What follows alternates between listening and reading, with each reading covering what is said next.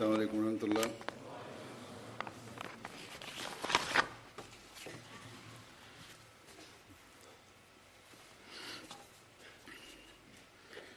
أشهد أن لا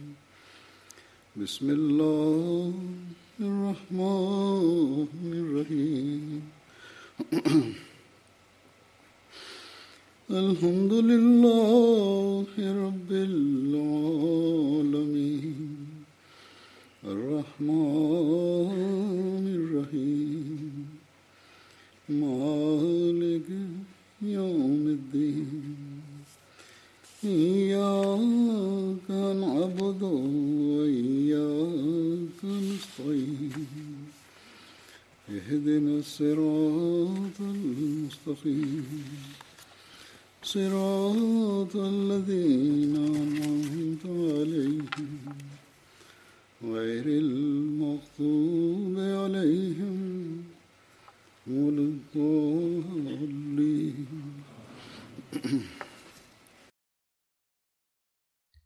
تبدأ اليوم بفضل الله تعالى الجلسة السنوية للجماعة الأحمدية في هولندا. ووفقني الله تعالى بعد سنوات لأحضر هذه الجلسة. كان أمير الجماعة في هولندا يدعوني منذ سنوات لحضور الجلسة، ولكنني لم أستطع الحضور بسبب أعمال الجماعة الأخرى على الرغم من أمنيتي للحضور. وإنه لفضل من الله تعالى أنه يوفقني اليوم لحضور هذه الجلسة قد ازداد عدد الجماعه في هولندا في بضع السنوات الأخيرة. على الأقل ثلث المجموع ازداد يقينا. كثير منهم جاءوا هنا مهاجرين من باكستان وانضم بعض الجدد إلى الجماعة. باختصار تزدهر جماعة هولندا أيضا كباقي الفروع للجماعة في العالم من حيث العدد والوسائل. وتنشر هنا كتب الجماعة ومناشيرها أيضا على وجه أحسن. واقتنت الجماعة بعض المراكز الجديدة ومسجدا أيضا. لم أرى بعد هذا المسجد ولكنني سمعت من الناس أنكم بنيتم مسجدا جميلا في ألميرا. وسوف أدشن هذا المسجد في الأسبوع القادم بفضل الله تعالى. عن الافتتاح الرسمي وإلا بدأت فيه الصلوات على ما أظن، ولكن يجب أن تذكروا دوما أنه لا يفيد ازدياد العدد أو دور التبشير أو بناء المراكز أو المساجد ما لم تتحقق غايتها. فثمة حاجة ليفحص الأحمديون المقيمون هنا أنفسهم ويروا ويبحثوا ما هي الأهداف التي يجب أن نحققها بعد بيعتنا للمسيح الموعود عليه السلام.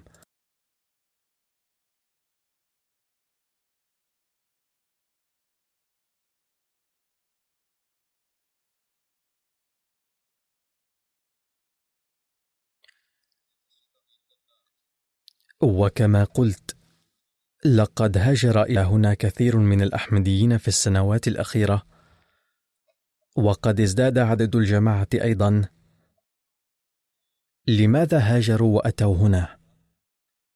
لأن الأحمديين ولا سيما الأحمديين الباكستانيين لا يحظون بالحرية الدينية في بلدهم ويؤذون باسم الدين وتهضم حقوقهم.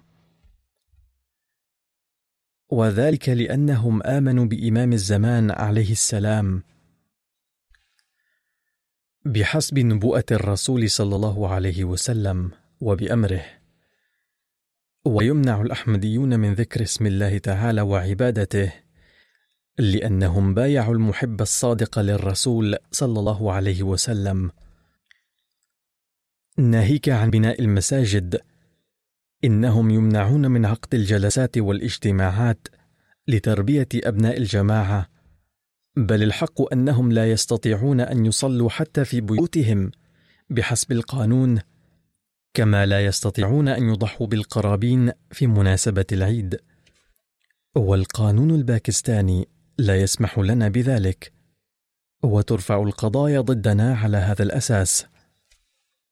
لأن ذلك يجرح مشاعر المشايخ المزعومين وأتباعهم. وفي مثل هذه الحالات يهاجر كثير من الأحمديين من باكستان إلى بلاد أخرى تعطي حرية دينية. وقد هاجر الكثيرون والذين أتوا منكم هنا مهاجرين يتمتعون هنا بالحرية الدينية ويجدون فرص تحسين حالتهم المالية والاقتصادية.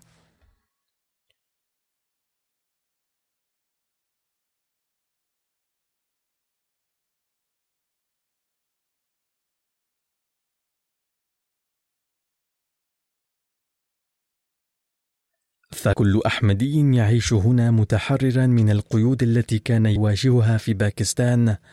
ولهذا يجب أن يشكر الله تعالى بوجه خاص ويسعى كل سعي لأداء حق البيعة للمسيح الموعود عليه السلام ويحسن حالته الروحانية والعلمية والأخلاقية.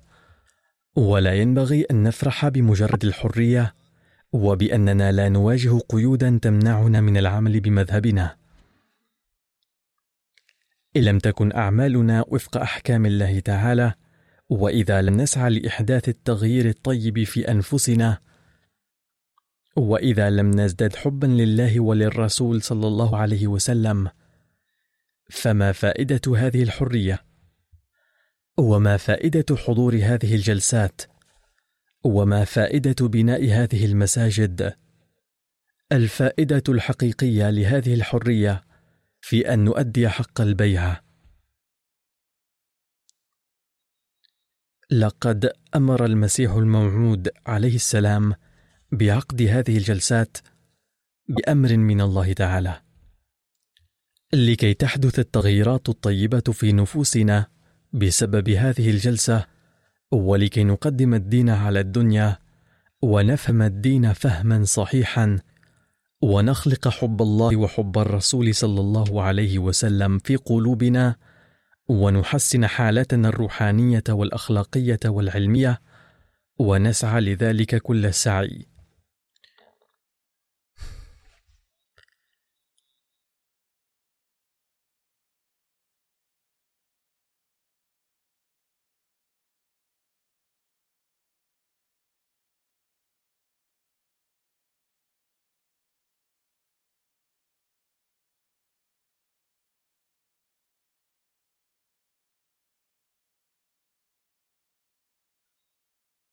قال المسيح الموعود عليه السلام في موضع مبينا مقاصد الجلسة وأهدافه ومسديا النصيحة لمبايعيه. الهدف الحقيقي من البيعة هو أن يفتر حب الدنيا ويستولي على القلوب حب الله وحب الرسول الأكرم صلى الله عليه وسلم وتتيسر لهم حالة من الانقطاع التام عن الدنيا حتى لا يعود السفر إلى الآخرة مكروها لديهم. فهذا قول واضح أنه بعد البيعة لا ينبغي أن تقتصروا على الدعوة باللسان فقط بل يجب أن تصبحوا مخلصين ولا تستطيعون أن تزدادوا اخلاصا ووفاء ما لم تؤثروا حب الله وحب الرسول على جميع أنواع الحب. لذلك وضع في شروط البيعة أن المبايع يجب أن يتخذ قول الله وقول الرسول دستورا لعمله في جميع مناهج حياته ولا يستطيع المرء أن يجعل قول الله وقول الرسول منهجا له في كل أمر ما لم يكن لديه حب حقيقي.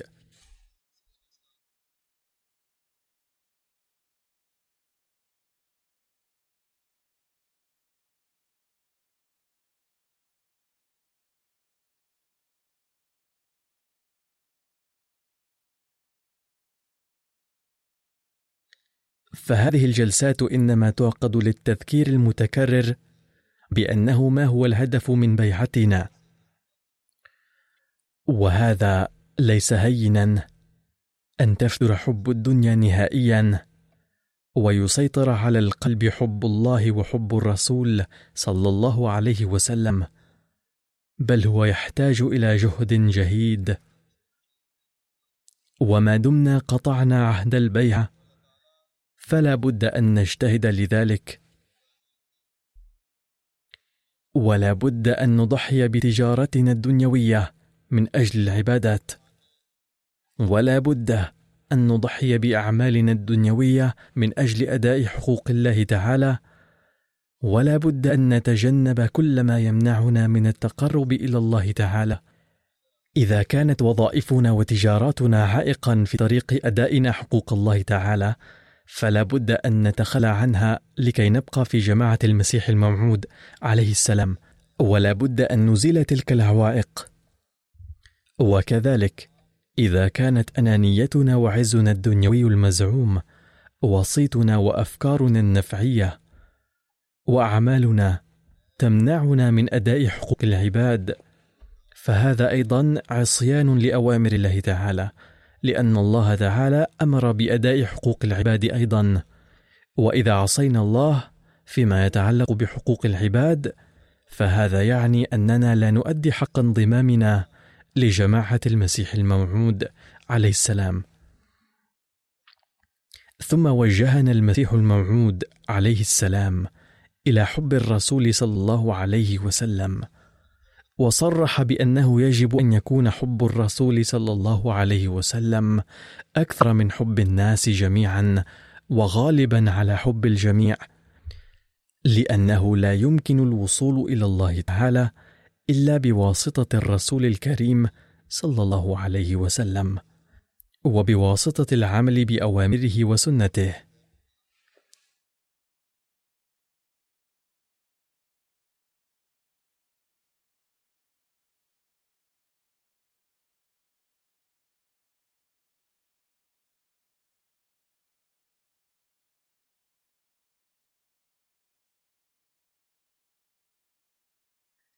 إن وسيلة استجابة الأدعية والعاقبة الحسنة الآن هي الرسول صلى الله عليه وسلم.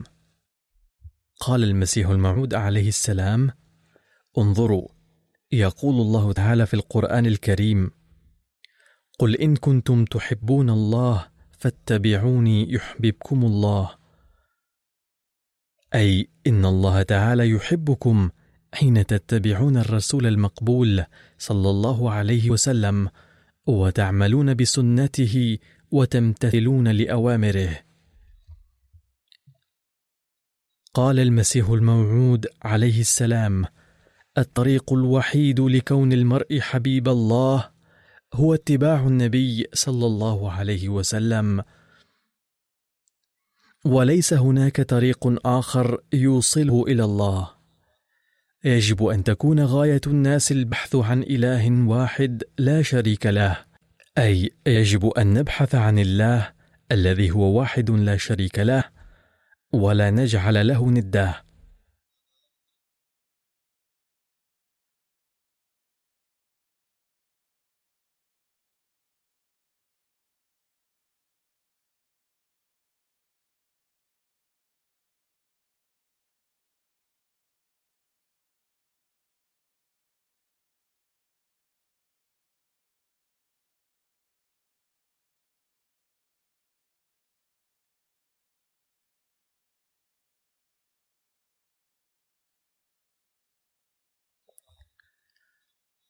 قال المسيح الموعود عليه السلام يجب اجتناب الشرك والبدعه ولا يكون تابعا للتقاليد ولا مطيعا للأهواء. ألا إنني أكرر القول إن الإنسان لا يمكن أن يفلح بأي طريقة ممكنة دون طريق الحق للنبي صلى الله عليه وسلم بأي طريقة ممكنة. قال المسيح الموعود عليه السلام إنما رسولنا واحد فقط وإنما القرآن الكريم وحده نزل على هذا الرسول وباتباعه فقط نفوز بقرب الله تعالى. قال عليه السلام إنما رسولنا واحد فقط وإنما القرآن الكريم وحده نزل على هذا الرسول وباتباعه فقط نفوز بقرب الله. قال عليه السلام تذكروا أن اتباع القرآن الكريم وكلام النبي صلى الله عليه وسلم والصلاة والصوم وغيرها من الطرق المسنونة ليس دونها أي مفتاح لفتح أبواب افضال الله وبركاته. هذا هو الطريق الوحيد وليس هناك طريق آخر. فللحصول على هذه البركات لا بد من حب رسول الله صلى الله عليه وسلم. ومن منطلق هذا الحب يجب العمل بأوامره. وإلا فقد وضح سيدنا المسيح الموعود عليه السلام أنه لا جدوى من بيعتكم له. وكذلك إن حضوركم مثل هذه الجلسات يصبح عبثا محضا. يقول المسيح الموعود عليه السلام إنني أحب حبيب الله هذا فإذا كنتم تريدون أن تبقوا في بيعتي فلا بد لكم أيضا من أن تحبوا حبيبي.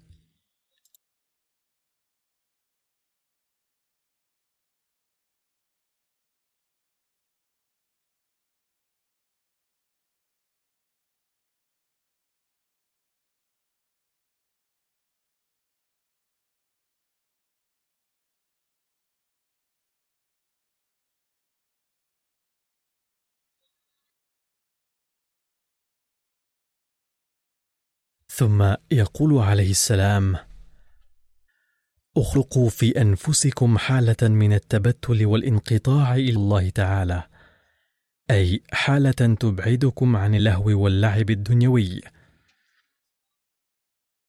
حتى يصبح كل عمل من أعمالكم تابعا لأحكام الله تعالى وأحكام رسوله صلى الله عليه وسلم. مما لا شك فيه أن كسب الدنيا والانشغال بأمورها وتجاراتها ليس ممنوعا بل الله تعالى قد أمر بذلك. كان الصحابة رضي الله عنهم أيضا يقومون بهذه الأعمال وكانوا ينشغلون في المشاغل الدنيوية وتجارتها على نطاق واسع لدرجة كانت تجارة بعضهم تقدر بالملايين والبلايين. وكانوا يقومون بالمعاملات التجارية وغيرها. وكانت لدى بعضهم عقارات يقدر ثمنها بالملايين والبلايين. ومع ذلك كان حب الله تعالى وحب رسوله غالبا عليهم. وكانوا منتبهين دائما إلى أداء حقوق عبادة الله والعمل بأوامر رسول الله صلى الله عليه وسلم. وكانوا منتبهين أيضا إلى الا يصدر منهم فعل يسخط بسببه عليهم حبيبهم.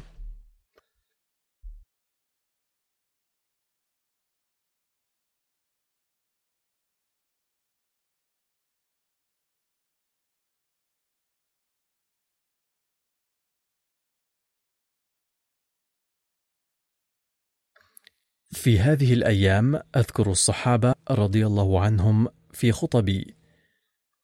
ونجد في سيرهم أمثلة كثيرة عن كيفية عباداتهم وكيف كان مستوى طاعتهم لرسول الله صلى الله عليه وسلم وكم كانوا يكنون حبا لرسول الله صلى الله عليه وسلم. فعلينا أيضا أن نضع في الحسبان دوما ألا نقصر في حبنا لله ولرسوله على الرغم من المشاغل الدنيوية.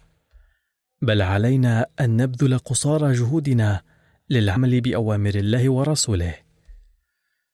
ولنعلم أننا قد اجتمعنا هنا لثلاثة أيام لتحسين حالتنا العملية وللاستفادة من جو روحاني للجلسة. لذا يجب أن ننتبه جيدا ونفكر ما هو الهدف من اجتماعنا هنا لثلاثة أيام. ألا هو أن نستفيد من هذا الجو الروحاني ومحاولة تحسين حالتنا العلمية والعملية. ونتخلص من السيئات وأن ننتبه إلى ذكر الله والاستغفار إلى جانب العبادات الأخرى. وإن لم يكن هذا هو نهج تفكيرنا فإن حضورنا الجلسة عبث محض. فمن مقتضى الحكمة أن نحسب هذه الأيام الثلاثة دورة تدريبية. ونبذل جهودنا لإزالة النقائص والتقصيرات من أعمالنا لأن حدوث ذلك ممكن عندما يخرج من بيئة إلى أخرى.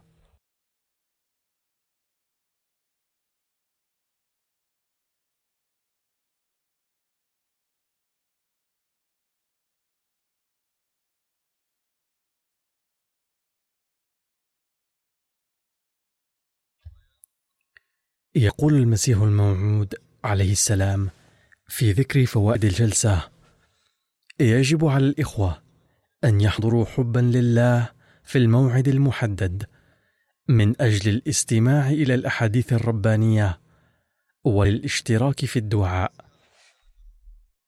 ثم يقول سوف نشتغل أثناء هذا الاجتماع في بيان الحقائق والمعارف التي هي ضرورية للزيادة في الإيمان واليقين والمعرفة. اذا إن الهدف من الجلسة هو رفع مستوى الإيمان واليقين والمعرفة. وقال عليه السلام في موضع آخر إن هذه الجلسة ليست كمهرجانات دنيوية عادية حيث يجتمع الناس وينهمكون في اللهو واللعب فحسب. كما ليس الهدف من جلساتنا إظهار عددنا. فيجب على كل من يشترك فيها رجلا كان أم امرأة شابا كان أم شيخا. أن ينتبه جيدا إلى الازدياد ايمانا ويقينا ومعرفة وحبا لله ولرسوله. أما إذا لم يدرك المرء مكانة الله ومكانة رسوله أو لا يوقن بوجود الله تعالى فأن له أن يزداد معرفة. والحق أن المرء يزداد ايمانا نتيجة ازدياده في المعرفة.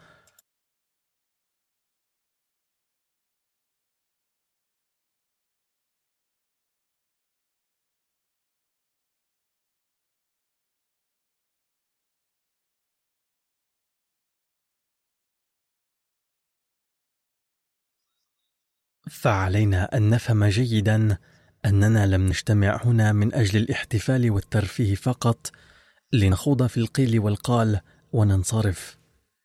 فاذا كان هذا هو نهج تفكير احد فان حضوره جلسه عبث تماما كما قلت من قبل.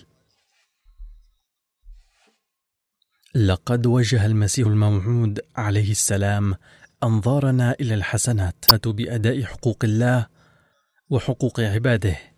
وقال ما مفاده. يجب على المرء أن يكسب الحسنات لنيل رضا الله تعالى والعمل بأوامره دون الطمع في أجر.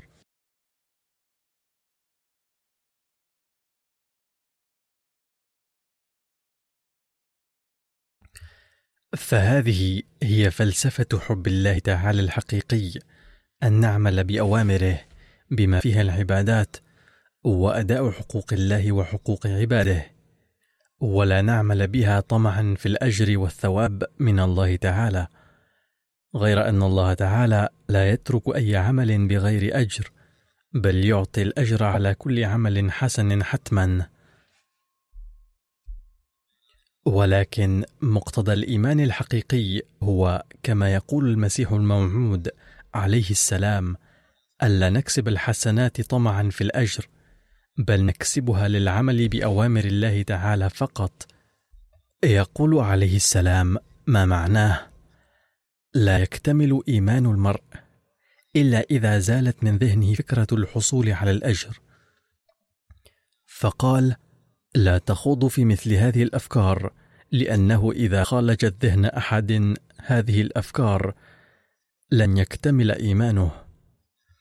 يقول عليه السلام صحيح أن الله تعالى لا يضيع أية حسنة بل يقول إن الله لا يضيع أجر المحسنين فيجب على كاسب الحسنات ألا يهتم بالأجر. فالحسنة الحقيقية هي التي تكسب بغير الطمع في الأجر والإنعام. فعلينا أن نحسن معاملة الناس ونؤدي حقوقهم واضعين هذا المبدأ في الحسبان لأن معاملة الناس بالحسنى إنما هو أمر من الله تعالى ورسوله وسنته.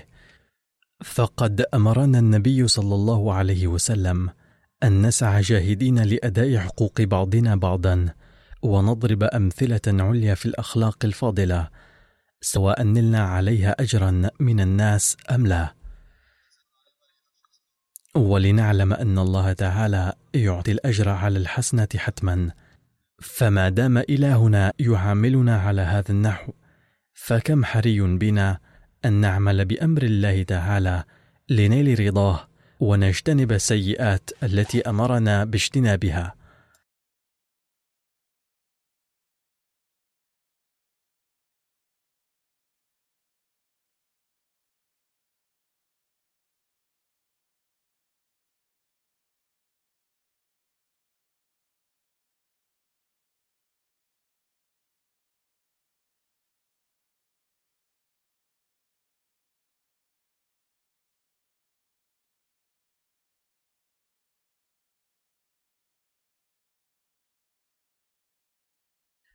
فبعد مجيئكم واستقراركم في هذه البلاد المتقدمة وهذه المجتمعات التي يرتكب فيها أنواع اللغو باسم الحرية عليكم أن تنتبهوا إلى حالتكم العملية كثيرا.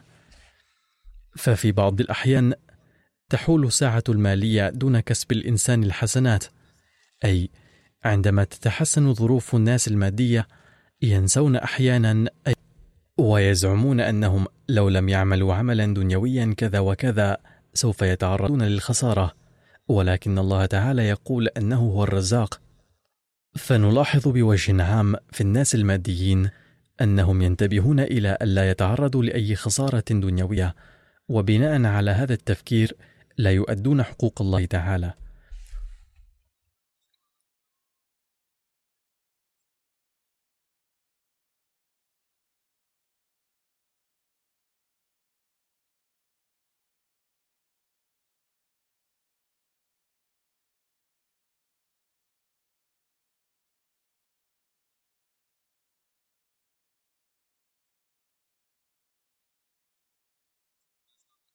ولسوء الحظ إن بعضا من أفراد الجماعة أيضا يفعلون ذلك بحيث يتركون الصلاة من أجل مشاغل دنيوية. فمثلا إذا حانت الصلاة وكان هناك عليهم أن يعملوا عملا دنيويا معينا في الوقت نفسه فيهملون الصلاة أو يجمعون بين صلاتين فيما بعد أو ينسونها أحيانا ولكن لا يهملون عملا دنيويا. فعلينا أن نجتنب هذه العادة. ومنهم من يصلون بسرعة كأنها دين عليهم ويريدون أن يتخلصوا منه فورا. ولكن هذه الوتيرة لا توحي بحب الله في شيء بل تنم عن حب الدنيا. ولكن إذا كنتم تريدون أن تؤدوا حق بيعة المسيح الموعود عليه السلام فلا بد لكم من أداء حق عبادة الله تعالى. لقد وجه المسيح الموعود عليه السلام أنظارنا إلى أن ندرك حقيقة أن نعبد الله تعالى منصبغين بصبغة حب الله الذاتي. هذا هو الأصل في الموضوع. وأن تعبدوا الله حاسبين عبادته فريضة واجبة عليكم وليس كأنكم تريدون أن تتخلصوا منها.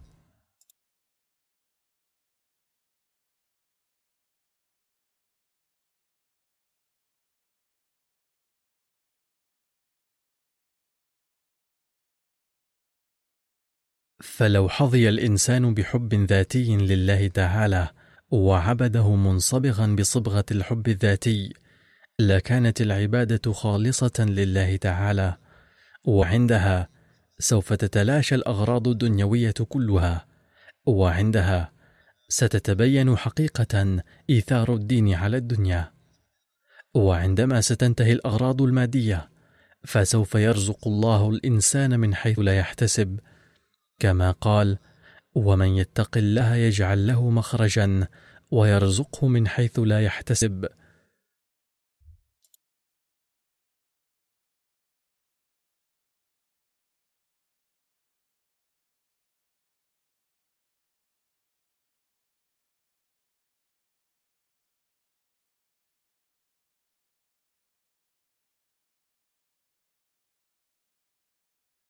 يقول سيدنا المسيح الموعود عليه السلام في تفسير آية ومن يتق الله يجعل له مخرجا فمن الحق والصدق تماما أن الله لا يضيع عباده ابدا وهو يحميهم من أن يمدوا أيدي السؤال إلى الآخرين. فأؤمن أنه إذا كان المرء متوجها إلى الله وكان صادقا فإن الله يبارك في عائلته حتى سبعة أجيال ويمد إليه يد رحمته وبركته. إلا أن يعمل أحد بشقاوته اعمالا تحرمه من فضل الله ويحميهم بنفسه.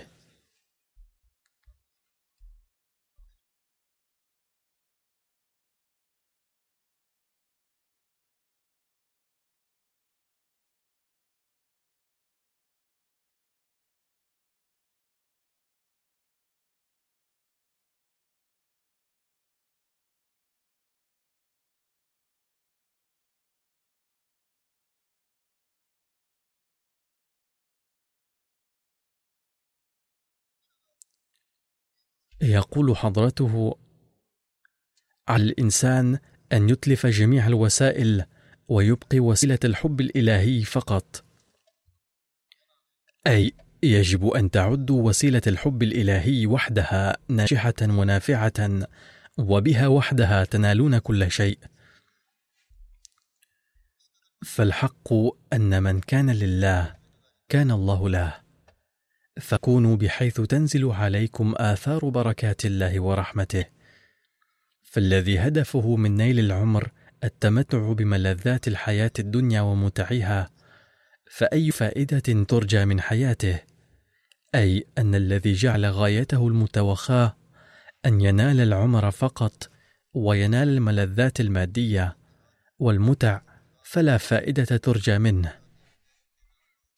إذ ليس في حياته أي نصيب لله تعالى فهو يجعل الهدف من حياته منحصرا في تناول الأطعمة اللذيذة والنوم المريح والتمتع بالزوجة والأولاد والبيوت الفاخرة أو الخيول الفارهة أو البساتين الرائعة أو الزروع. فهو عبد بطنه.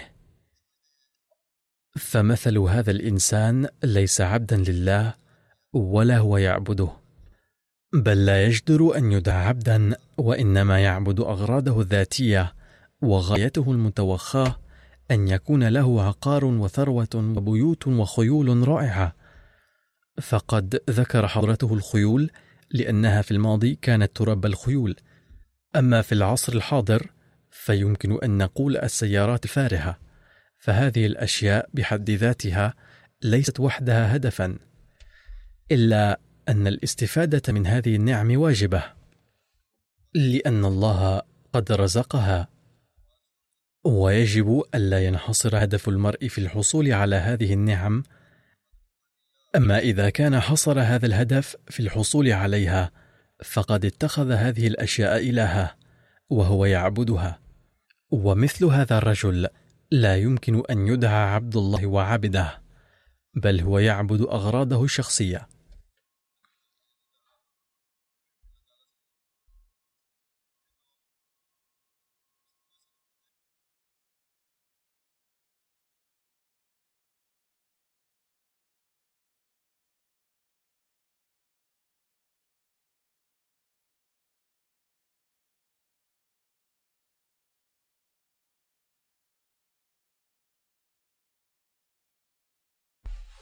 قال حضرته فهو قد اتخذ أهواءه النفسانية واللذائذ البهيمية وحدها معبوده ومطلوبه ومقصوده. فهذه هي حصرا أمانيه. بينما الغاية التي بينها الله تعالى من خلق الإنسان هي العبادة كما ورد وما خلقت الجن والإنس إلا ليعبدون فقد حصر الهدف والغاية في عبادة الله ولذلك قد خلق هذا النظام كله. لكنه خلاف ذلك تظهر الغايات والأمان الأخرى.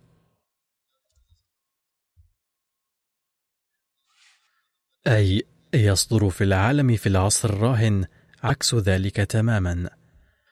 وبدلا من السعي لنيل هذا الهدف نرى أن لكل إنسان رغائب أخرى منافية لذلك فهو قد انغمس في كسب الدنيا فقط وتصدر منه أمنيات أخرى إذ قد غلبت الأهواء المادية حب الفوز بقرب الله فهذه الأمور يجب أن تسوقنا إلى التأمل والتفكر في كيف يمكن أن نحرز الحياة من هذا القبيل بحيث يجب ألا يشغل بالنا دوما الاهتمام بالحياة الدنيا فقط.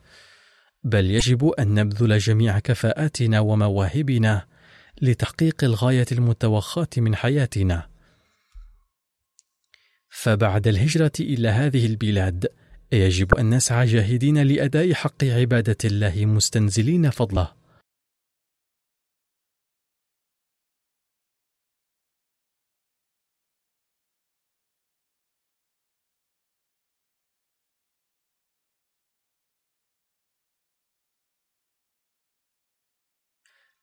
يجب ألا تكون أمنياتنا ورغائبنا معارضة لهذا الهدف كما قال سيدنا المسيح الموعود عليه السلام بل يجب أن نحرز معرفة خالقنا ونحرز الغاية المتوخاة من خلقنا ونحقق الهدف الذي من أجله بعث الله المسيح الموعود عليه السلام في هذا العصر.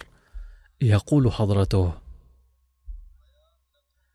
إنما بعثت لأقوي الإيمان وأثبت للناس وجود الله لأن إيمان كل قوم قد ضعف جدا ويعد عالم الآخرة قصة فقط. أي لا يقيم الناس أي قيمة للحياة بعد الموت وإنما يعدونها قصة وأسطورة. وكل إنسان بعمله يقول أنه كما يثق بالدنيا ومراتبها ووجاهتها. وكما يعتمد على الوسائل المادية لا يثق الثقة نفسها بالله ولا بعالم الآخرة. فعلى الألسنة أمور ويستولي على القلوب حب الدنيا.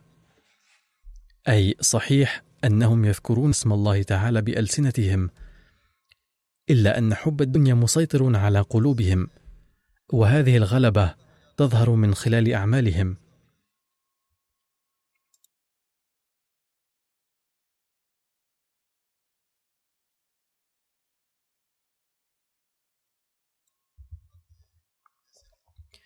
قال حضرته كان حب الله قد فتر على قلوب اليهود فجاءهم المسيح في ذلك الزمن ليأتي بهم إلى الدين وإلى الله. وتلاحظ الحالة نفسها في زمني أيضا. فقد بعثت ليعود زمن الإيمان من جديد وتنشأ التقوى في القلوب. فاليوم من واجبنا أن نؤدي حق بيعتنا من ناحية ونزداد حبا لله ونرسخ التوحيد في قلوبنا ونعرض عن الدنيا وملذاتها مقابل حب الله ورسوله. ومن ناحية أخرى نحدث في نفوسنا تغييرات طيبة ونسعى أن نقرب بها المجتمع أيضا إلى الله. اليوم ترفض الدنيا الإيمان بوجود الله. وكل سنة عدد كبير من الناس يكفرون بوجود الله باستمرار ويتخلون عن الدين. وهذا في المسيحية والأديان الأخرى وفي بعض المسلمين أيضا. وحين يكفر هؤلاء من واجبنا أن نخلق في قلوبنا حب الله ونطلع العالم أيضا على حقيقة وجود الله. عندها سنحقق الهدف من عقد هذه الجلسة وعندها فقط سنؤدي حق بيعتنا للمسيح الموعود عليه السلام. فلا يكفي أن نخلق حب الله ورسوله فينا فقط فمهمتنا لا تنحصر في ذلك بل أكثر من ذلك حيث يجب علينا ألا ندخر جهدا لخلق حب الله ورسوله في قلوب أولادنا وأجيالنا القادمة أيضا. وكذلك يجب أن نطلع العالم أيضا على حقيقة وجود الله كما قلت سابقا. كما تقع علينا مسؤولية مواصلة أعمال المسيح الموعود عليه السلام ومهمته بعد أن بايعناه. وفقنا الله لذلك بحيث نقضي أيام الجلسة هذه سعيا لرفع معايير عباداتنا والدوام عليها ونزداد دوما حبا لله ولرسوله ولا تستولي علينا ملاذات الدنيا وأهواؤها ابدا. واعلموا أن كل ذلك يستحيل بدون الفضل من الله. لذا ثمة حاجة ماسة للدعاء الكثير لاستنزال افضال الله تعالى ولا بد من الاهتمام بهذا كثيرا. وفقنا الله لذلك.